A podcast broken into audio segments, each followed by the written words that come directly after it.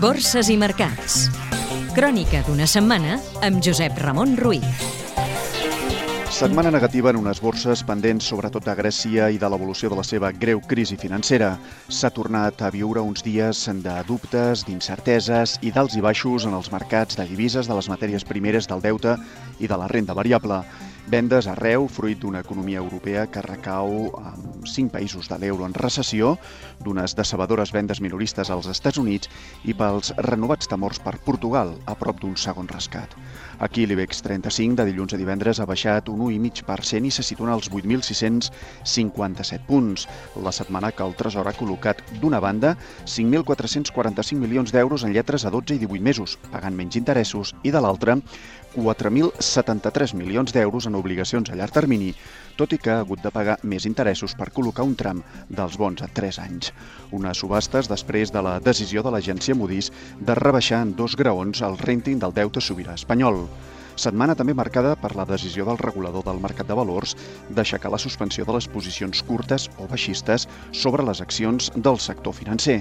En una sola sessió, el passat dijous negre, la banca va perdre més de 5.000 milions d'euros en borsa, coincidint també amb la nova amenaça de Moody's de retallar el rating de 114 entitats europees, 21 d'espanyoles.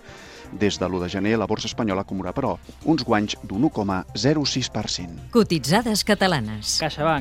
L'agència de qualificació Fitch ha retallat el seu rating de majúscula a A majúscula negativa. Banc Sabadell. Standard Poor's ha rebaixat la nota de l'entitat des de la triple B majúscula a la triple B majúscula negativa.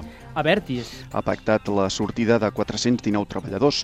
La companyia es compromet a no acomiadar ningú fins al 2014 i ha invertit 30 milions d'euros en els peatges. Grífols. Ha pactat noves condicions del crèdit vinculat a l'adquisició de la nord-americana Telecris.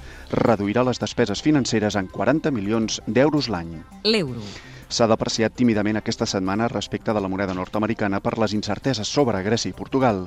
Lleument ha afablit aquest divendres el Banc Central Europeu, que ha reduït la compra del deute sobirà de la zona de l'euro, n'ha fixat el seu canvi oficial a 1,31, 59 dòlars. El patron. Enmig de l'increment de les tensions entre l'Iran i la comunitat internacional, el preu del barril de petroli tipus Brent, el de referència a Europa, ha superat aquesta setmana el nivell psicològic dels 120 dòlars per primera vegada des del mes d'agost de 2011. Vocabulari financer.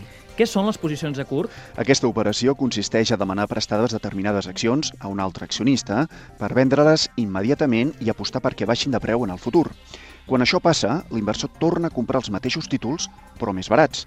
Torna les accions al propietari, que guanya una comissió, i l'inversor s'embutxaca la diferència.